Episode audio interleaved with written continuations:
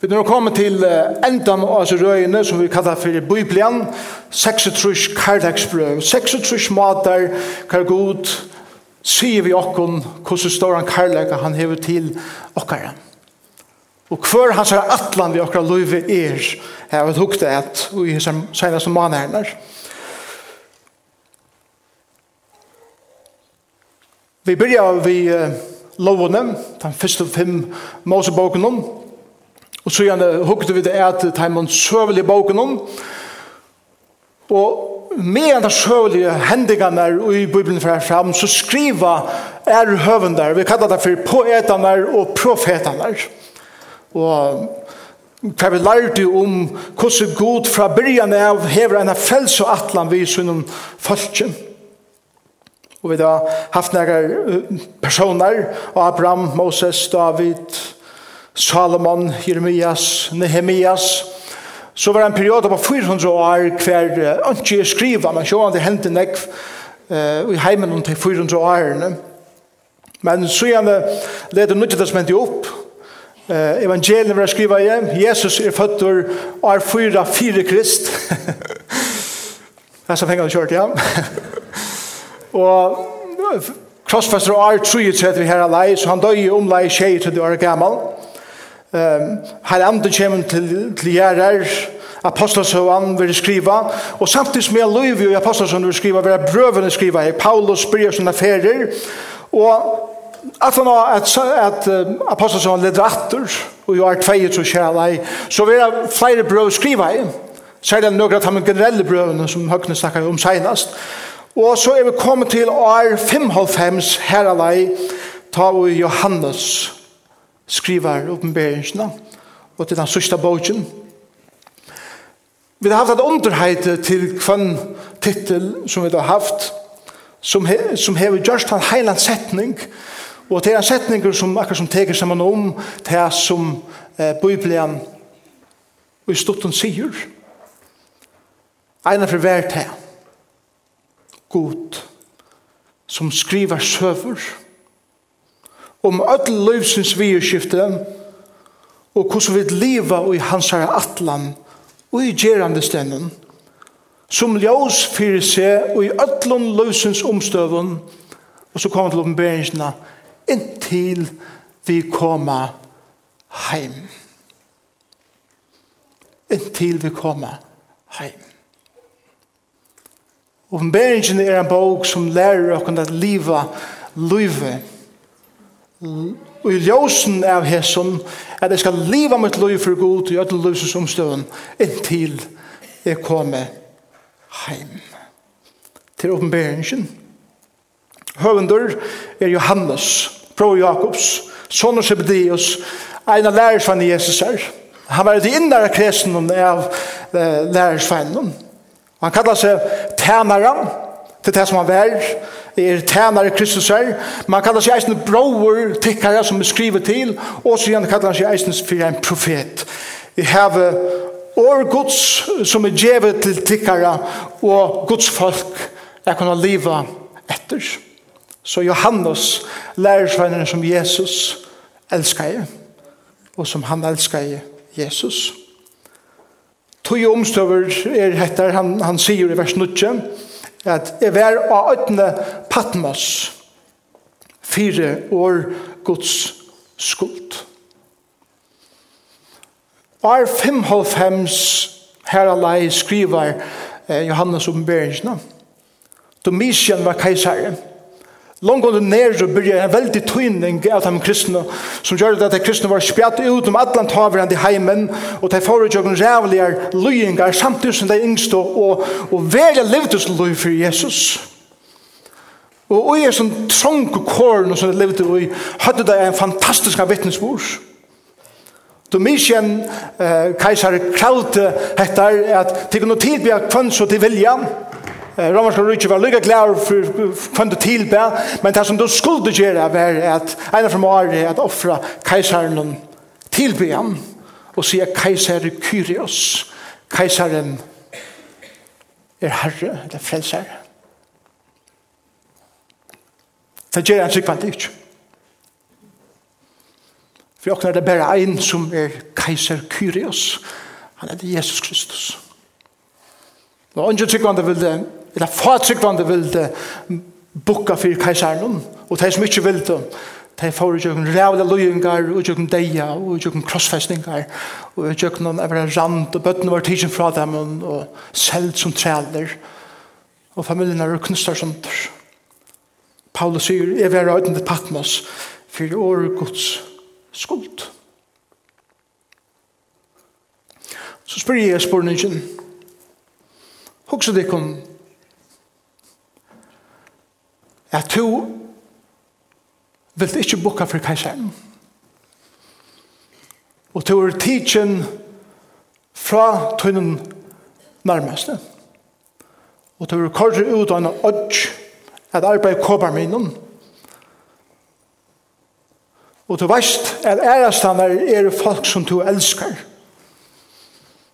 Som du har haft tattar og nærknuttar relasjoner til. Og som færre gjøkken det samme og kanskje verre enn to. Og til ro å skrive til henne et brev. Til ro å skrive dem noen år som kunne tale inn i omstøvene som de er i.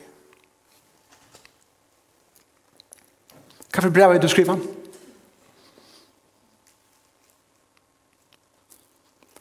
Jeg har nægget funnet på å skrive brev som ber beringsene. Da jeg snakker med folk, så er det generelt at jeg det skiljer ikke kvøkk av det som ber beringsene sier. En innviklet bok som, som tåser om, om ting som, som uh, til sånn jeg har spjattet meninger om, og så videre. Så jeg har i seneste årene vel er rønt at trakke inn og i heter. Jeg vet at Johannes hever akkurat andre endamål enn bare at her er få akkurat at diskutere om hver er antikrist, eller hva det er 666, eller at det skal imensk teorier om hvordan alt skal vente og dreie om bensjene. Det må være noe mer grunnleggjande og i så bøkene enn det. Og det er det. Det er en bok som beskriver til folk som færre gjøgnen og medalja store lyingar i synen lyve. Det er folk som opplevde Jesus opprystnan, hørte bådskapen om Jesus Kristus, at en dag skal Jesus Kristus komme atter og gjøre alt godt. Men det eneste at jeg har opplevd er at livet blir verre og verre, og troplare og troplare for det at livet. Og folk blir dødja av dem som har givet sitt liv til Jesus. Hva, hva hender her? Vi er som lyfter noen om Jesus Kristus. Og til det også nekva spurningar. Hvor kostar det så nekv? Jeg fylltjast vi Jesus. Hvor skulle mine bøten loja for mine trygg? Er hetta løyve Løyvi og ive iveflå som Jesus tar seg om, er det være rand. Hva er han? Hva blir han av? Hvor kommer han ikke atters? Hver er kontroll av ødelen som hender rundt om åken her i løyven? Og ta det først hessa spurningene der. Hva sverer du? Hva ser du fokusen? Og det er det som åpenberingen er om er fokuset i omstående av livet og seter lasaren av en person som eitir Jesus Kristus. Hun begynner ved å si åpenbering Jesu Krist. Tvær måter kan det suttjast på. Åpenberingen hver Jesus Kristus åpenberer seg sjølvan skjønnelig han fyrir sunne folk som fyrir jøknens av løyingan er og ein åpenbering om hver og han er. For Johannes peikar av Jesus og sier, hikk etter honom. Samtidig som Jesus stender her, vi åpner ørmene og sier, hikk etter nær. Og spyr, hver er i kontroll? Et hundeliv.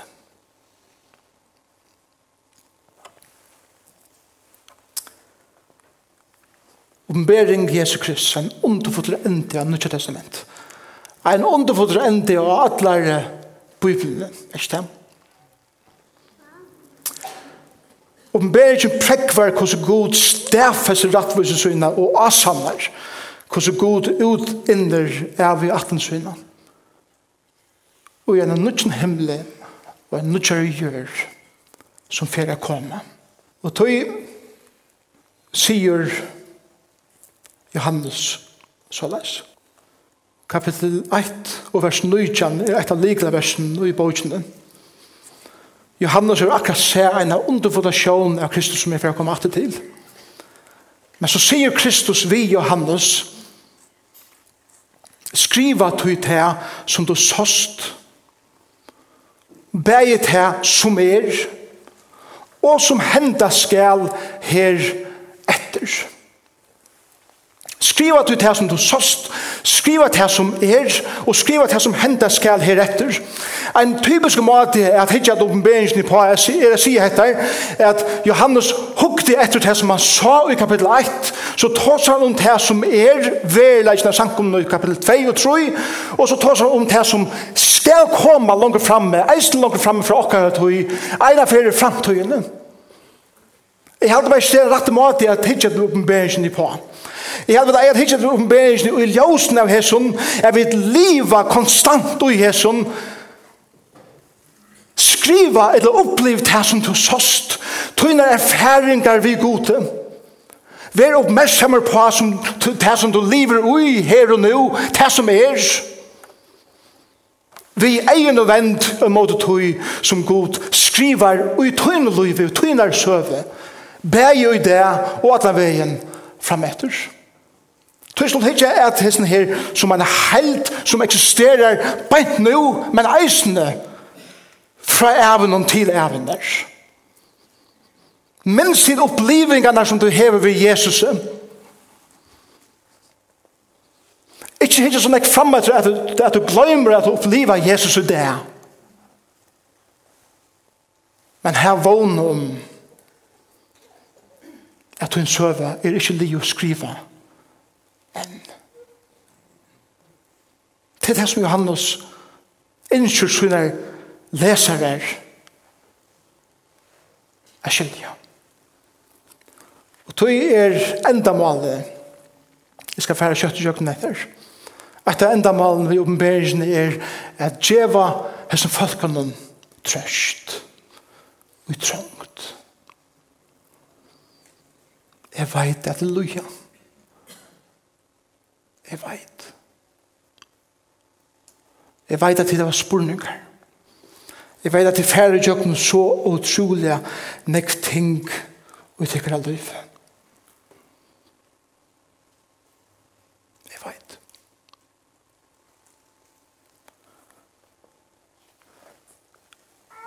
Tog har vi bruk for å få perspektiv og vogn og i verleikan av livenen som vi liva bænt nu. Og det som åpenberingen gjør er til at, at åpenberingen ferast i middelen hjørna og himmelen. Vi gjør når hun, hun gjør perspektiv og i jørskon, verlion, opplevingon av livenon, men lærer okkurna sutja det fra en himmelskon perspektiv. perspektiv Det er som at, at vi færer backstage vi god til. Han viser oss alt som han gjør, og hvordan han kontrollerer sin heimen, og, og hvitt ting henda, men han gjør oss noen himmelske briller på. Så at vi byrja suttja at det som er færer jøkken i løven og bant nå, er i ljósen og av noe som er nekk større, og lengt utanfyr med. Det er det som bergen lærer oss eisne. Det tror jeg oppenberingen er så relevant i det. Hvis vi bare har en futuristiske eller fremtøyer utlegging av oppenberingene, så, så gjør en liten mening enn bare at ta som teorier om hvordan vi er for å være. Bibelen gjør, og oppenberingen gjør en mening ved det, at i tøynen omstøven som du er støy. Og i tøynen løyingen og tøynen spurningen og i tøynen ivamalen vil god gjøre at her en briller på, som hjelper at her er suttja tøyt liv, og er suttja møtt liv, fra en himmelsk perspektiv. Og spørningen for ikke er være, god, kan du ikke teka det saman og gjøre akkurat? Kan du ikke komme atter? Atter og atter i oppenberingen leser jeg vet, hvordan langt er god? Hvordan langt er? Og det som ber ikke lærer å kunne hette er. Spurningen er ikke om nær god for å teka til og som man får gjøre, som har hånd til, heim. Men spurningen er hvordan livet dit nå? Hvordan livet dit nå?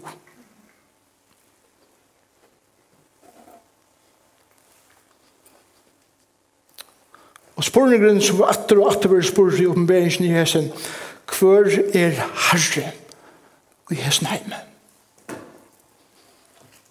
Hver er herre i tarra løyve?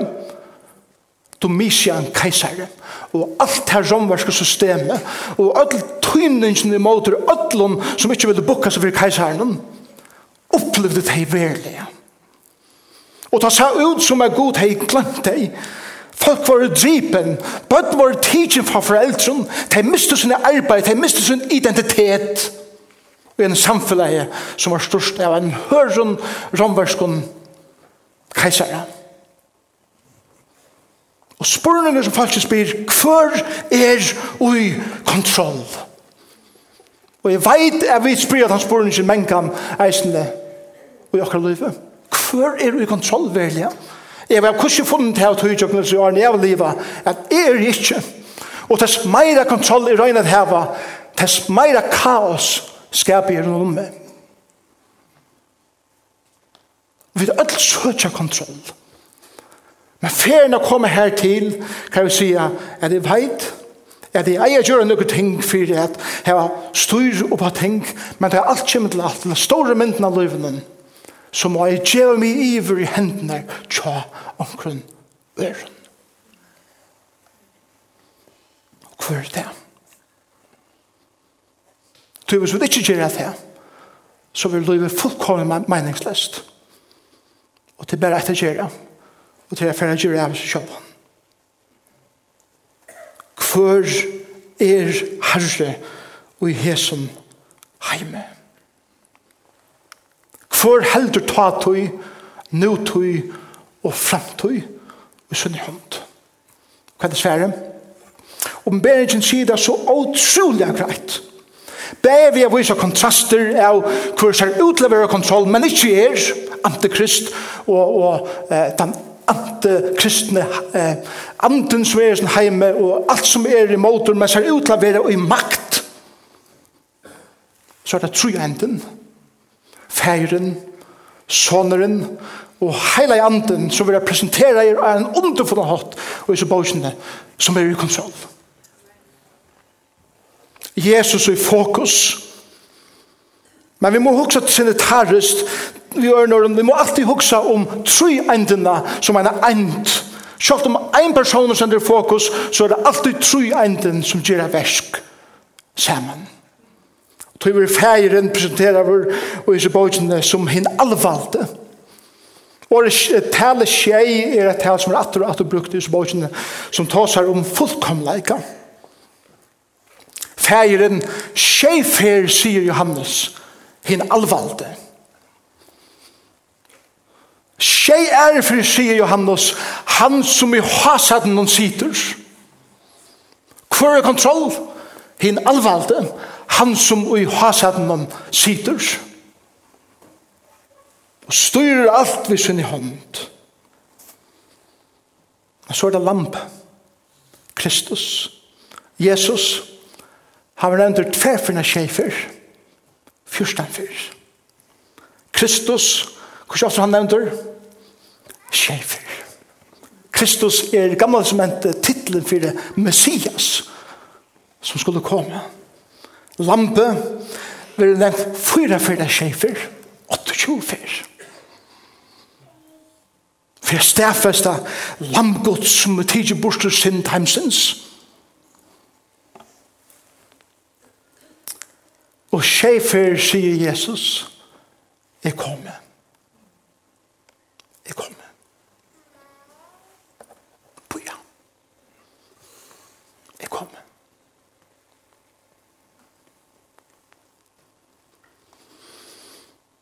Johannes som er ute i øytene Patmos hever så innerlige bruk for det jeg vil stedfester i Jesus er det vel jeg så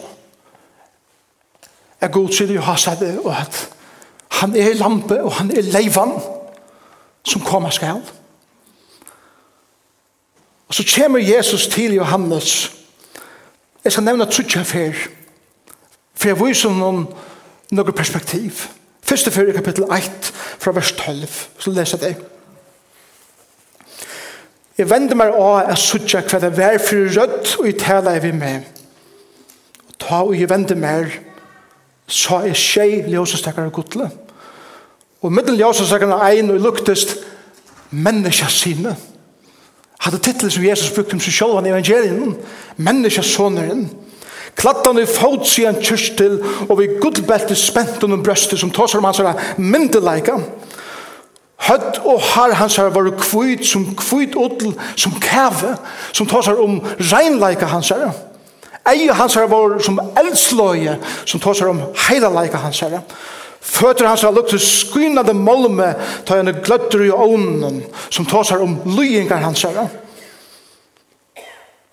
Og rødt hans herra vær som rødt mengra vattnet, som tar seg om myndelegge hans her, og i tog som han sier. I høyre hånd har han skjeistjøtner, ur munnen hans er ikke ut tvoi eitja kvassvør. Eit, ein suja som skjer bort synd, og ein som verger. hins ikvand. Og asjan hans er vær som solen, ta en skuiner i kraftsyn. Så ikke det fire det kunne som Johannes opplever her på en. Jeg sa, veldig jo oppenberingene er for Jesus Kristus er i hans løyve, og hans reaksjon er at han sier, ta i jeg sa han fall er som deier nyer fire føtter han sier Men han leier høyre hånd sønne av meg og sier, etter ikke. Her presenterer Jesus seg for Johannes som en trøst herre. Kære bror, kære syster som er det. Jesus sier vi til vi det etter ikke. I kapittel 5 Her viser Johannes okkom inn i himmelen. Vers 8. Ta i te, altså lampe, tog, bogrudlene, fotle henne fyra verner, og henne fyra tjo eldste, nye fyra lampene. og Kvarst vi hørs på søgne, og vi guldskalen fotla røytjelse som er i bøner henne heileve. Det som går nødja sang og søtt og verdres to at hega bogrutlene og lede opp innsikli hennara. Det at du var stripen og kjepte vi blå og tøynon gode menneske av ødelen atton tungumal og folkene og folkasløven og gjør det teg til kongarrujtje og til prester fyrir gode okkara. De skulle være kongar og hjørne. Og så blir det veldig crescendo crescendo er et musikalsk uttrykk for at, at nega som spekler blir sterskare og sterskare. Vi hadde en veldig konsert i Norra tusen i jar, hver vi enda av konsertene, hver, hver bare sæleren blåster ut. Og til, til den mynden som vi har her på er at, at flere og flere folk kommer vi seg tilbena og til enda er alt skapande her verset som lovsynker lampen om at det er okkara frelsare.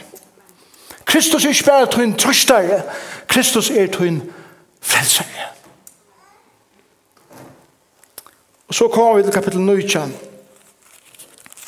hver Jesus ene for at se at vi representerer vår av en fantastisk måte. Og her sier Johannes såleis i vers 11, Jeg sa himmelen åpnen, og fikk jeg sånn kvidan hest, Han som hon sæt eitur trofastur og sann årammer. Han dømer og struer rattvise. Eie hans var som eldsløye og høtti hans var nekva kroner. Han er navn skriva som andre kjenner utan han. Han er kappa som var drion oppur blåe og han kallar årgods. Så det heter Herar himmelsens fyllte hånden og kviten hesten Og i fyn og lynklæje kviton og regn. Hvor er det? tror er og to. Legg meg ikke til noen vers 8, vers 8, til vers 6, det er noen glede som fekna, så gjev hånden dørten at du brittlepp landsen som kommer, og bror hans sier, jeg vil gjøre seg til. Hvor er bror hans sier? Til er og to som har tidsi imot Jesus som har kvart frelsere. Henne, vers 8, er givet at leta seg funt løgnklæje, regn og skynande. Så ikke det sena fyrir fyrdekken Jesus som er rujande ut ur skynen her beint, og at han fyrir Jesus herren som er hans herre bror, og han stender fremst. Til han er ikke bare okkara trøstare, og han er ikke bare okkara frelsare, men han er okkara verje. Omberingsen lærer okkon at Kristus er inne i okkar liv, jeg viser okkon at han trøster okkon i livsens omstøvun. Han peikar okkon at han er deg for synda okkar, og vi kunne synda noen lovsang, og han minner okkon at han skal verja okkon. Og han skal være vi okkar li, lyga mykje kvæt, hvordan nekk det ikke bruk for å høyra til. Det er hva det tid sagt, det er kom heim i det tykkar heim var rant.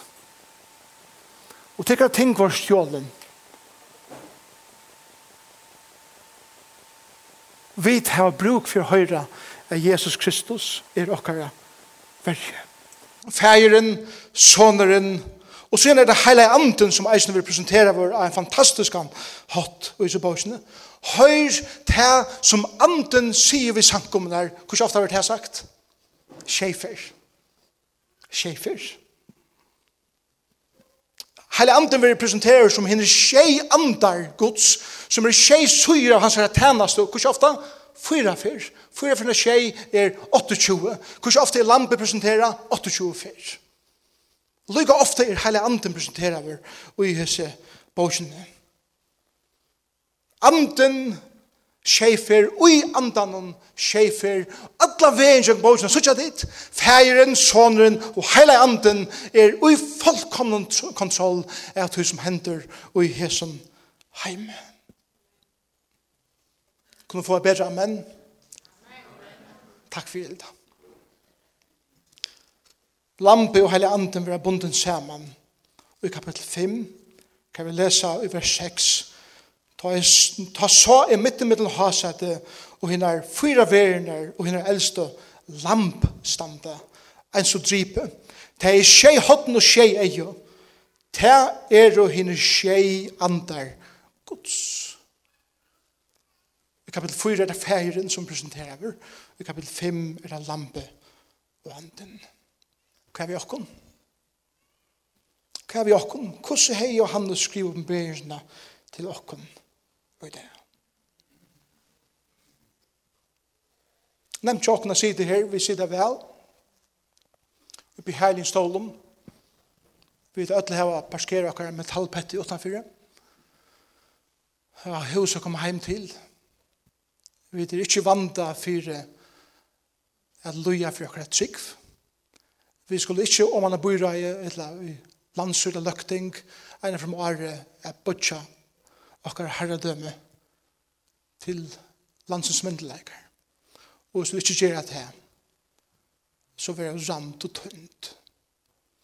Vi er komfortabel, vi har det ordentlig godt.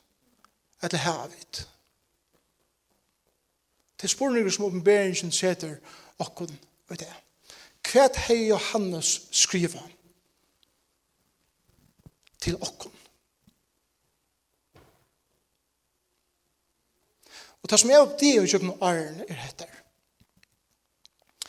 At under øtlen er som komfortabla og eh, luksjøsa og visionæra løyvene som vi lever i Vesterheimen, så er grunnvettjande ondjumoner og åkne teimen.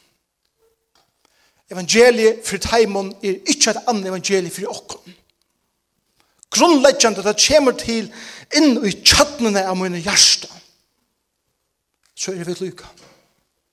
Og tog sier Johannes når ting vi okken. Høyre til som anden sier vi samkommer her. Er vi villig at høyre andans rødt? Da vi leser jøkken kapitel 2 og 3, så er det noen legal år som at hun har sagt, hva Jesus visst gjør, jeg hører om, og så nevner han noen ting, for jeg takker dem om, jeg høyre om tryggvtikkere, jeg høyre om versktikkere. Men i samme brevet så venter han av og sier, men jeg har tatt imot det her. Jeg har tatt imot det her at to. Vi da må alle vel høre til Jesus sier, gott to go i trygghet henne. Men ta han sier, men jeg tar imot det her. Så sier vi, ja, men sier ombra, åtta etter ikke til at vi tog ikke fordømme for det som er Kristi Jesu. Kan det huksast at du er en forhold vi Jesus Kristus, er det eisen ting i okkar liv hva Jesus sier, jeg tar imot det her. Vent tog vi, annars kommer jeg. tåler vi det høyre hattar der, okra eh, ver som vi helst vilja, kontrollere, kontrollera du som vi gjør, og det som er om okkon og så kommer en rødt som vi vet er lengt om og fri okkar og hever alla myndelige og kraft i okker liv og sier enn vi. Brøyt hun huksan er hatt brøyt hun være mate brøyt hun mate av livet på anden taler til samkommende enn det.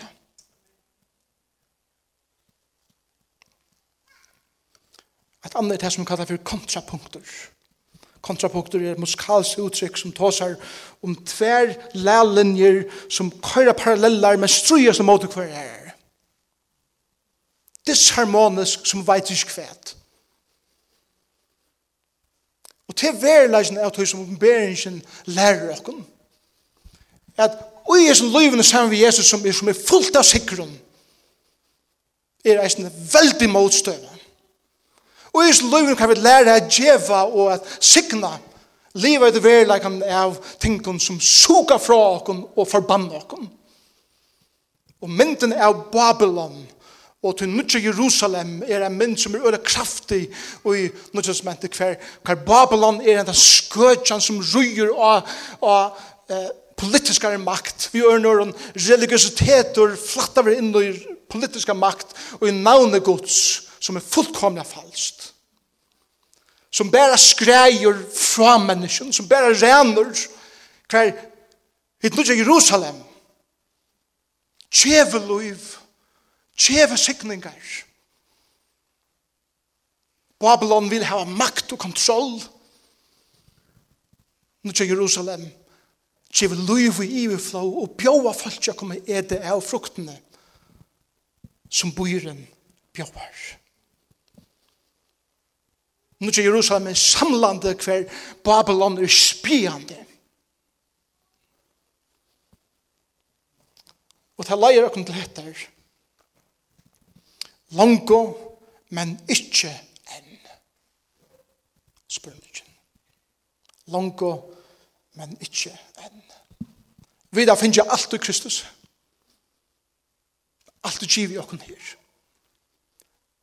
Men ikkje enn. Men ikkje enn til vi leva løyve i verleggen av gjerende stedet.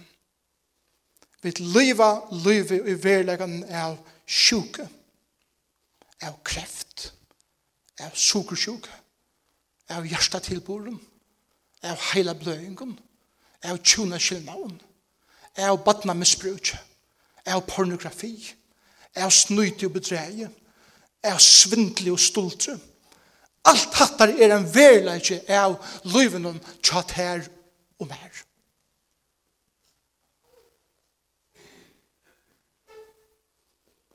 Og bådskapen om at kom bare til Kristus, så skal alt hattar være feia venom, er en skreive bådskaper grunn av oppenberingene. God hever boja vi å komme til å kun ur ötlens nere som skulle sujas vi, og han spyr okken spurningen, men vil du lyga og liva fyrir meg? Vil du lyga vel ui tøynun knusta tjunabandi, eller tøynun knusta familielivet, eller vera snuttur og bedrien av åkken øron, vil du a lyga vel. Liva saman vi mer. Det er båskaperen som bæringen gjør åkken, og det er den veri avbjørngen av livenen. Ødel av åkken hava langsel, Öll av okon spyrje av å god, hvordan lunge skal jeg være ui hessen her? Og Jesus sier, tårt langt om inn, men ikke enn, skal du komme heim. Og verre spurningen er, hvordan livet du, og hvordan livet er, verre leikene gjør en stund her. Og i ötlen tæmmet trobleikene, men i vågnene om at en dag skal han komme. Og hvem tilbyr du i mean? Til en av høvespurningene som Bergen spyr. Hvem tilbyr du? De tilbyr dyre, de tilbyr religiøsitet, de tilbyr Babylon. Og alle disse tingene, og i vånene om å finne en eller annen latta i hesen. Men Kristus spyr, hvem tilbyr til? Hverjen bodger til? tøtt høtt fyre.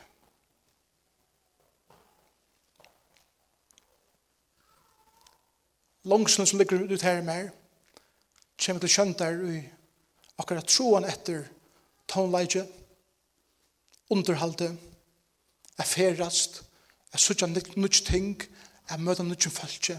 Så langslen er at hvis jeg får jeg hatt her, så er det godt. Da jeg finner det, så er det ikke godt å lykke alt, så må jeg ha meir den langselen hever god lagt nir ui teme. Så jeg tror en langsel som minner meg av at jeg ikke kom heim hen. Jeg ikke kom heim hen. Vi er ødel her en langsel kom atter ui eten. Første Mosebok 1 og 2. Åpenberingen 21 og 22 standa som paralleller. Og i middelen alt av det her er råttna løyvi her jeg gjør. Men samme vi god. Og det er var kastet ut i Edens havet. Vi er så som å slippe inn atter. Åpenberingen 1.22 åpenberer ikke Edens havet, men ikke men han nødt himmelen og nutje hjørna. Hver alt skal være godt. Hvert har skal være torska. Anki skrutj, anki sjuka, anki pyna skal være meir her. Men en dag, så får god til å si, her til, og ikke langer. Og vi spyrir mange spørning som hvor hender alt det her i heimen som det hender i det. Og en derfor god å si, nå nok. Nok sendt. Nok sendt nok sorg, nok hæter, nok snøyt, nok av bæskleika, nok av ofyrirgjeving, nok av hungersnei, nok av deia, nok av religiøsitet, nok av hætre mot gode, og nok av badna misnusle, og nok av allare synd som er sin heime, og himmelen skal åpnast. Og han som kommer i skutsen hon skal komme rujande og gjøre fullkomna enda og allar synd og åratvise. Og han skal gjøre alt godt. Og då spyr jeg spørningen som jeg endte. Hver er du? Hvem tilbyr du? Hvem tilhører du? Ein derfor god å si om tutt løyv og mot løyv hertil og ikke langt. Og så skal jeg enda vi her hesson. Det er tjej sælna i oppenberingen, og det er en god enda i oppenberingen, men eisne hele tiden på røyene som vi tar for i kjøkkenen. Det er tjej sæler, vi kjenner sælna fra fjellabratikene, men det er eisne tjej sæler i oppenberingen. Sæler er han, og leser, og sæler er det i høyre profetåret, og verver det til som her og skriva, til tøyen er nær. Sæler henne deio som dødjo i herran hon heretter. Ja, sier anden, de skulle få kvult etter møye søgna og versktarra fylltja teimen. Sæler han og vetjer og verva det klæ i søgna så at han kommer ikke genga nætjen og skom hans herre er satt. Sæler de som er i bøyen vi til Bidleps nottra lamsins. Sjælur og heilaver ut han, og hever lot og fyrre opprestene. I vet heimen hever annar degen og ikke valgt. Nei, det skal være prester gods og Kristus er, og være kongar vi hånden i tusen år. Det kommer kjøtt. Sjælur i tann. Vi helder fast vi profetåret og i hese bøk. Og sjælur ut hei, som två av klær i syne, så tenker han få en gang til tre. Så sier det at det er inne i eten. Bare nekk Peter. Og om porstrene genga inn i stegen. Så sier det fyra det kom dekken. Løyvi her er et løyvi å åpne porstrene til hver forhold vi god er liva samme vi hånden. Liv i heter. Og i ljósen er av tusen til sost og tøy som er, og tøy som kommer skal. Himmelen er personlig. Det er enda vi er som. Vi er åtte var en prakkfull land, drong, vi samkomne ned som døye, som en lydel smadrong. Det var roe. Jeg ble begynne å hava grævtalene, det har fått til valde ta ta seg om himmelen. Herren oppenberer seg en underfull hatt for mer ta. Så igjen det tala i til talene i rolla. Heo min langsel er kommet heim støvet vokse ein dag suttja min frelsare, Jesus Kristus, som har åpenbæra seg fyrir okkon her, anlet landet. Åh, oh, det er ikke godt.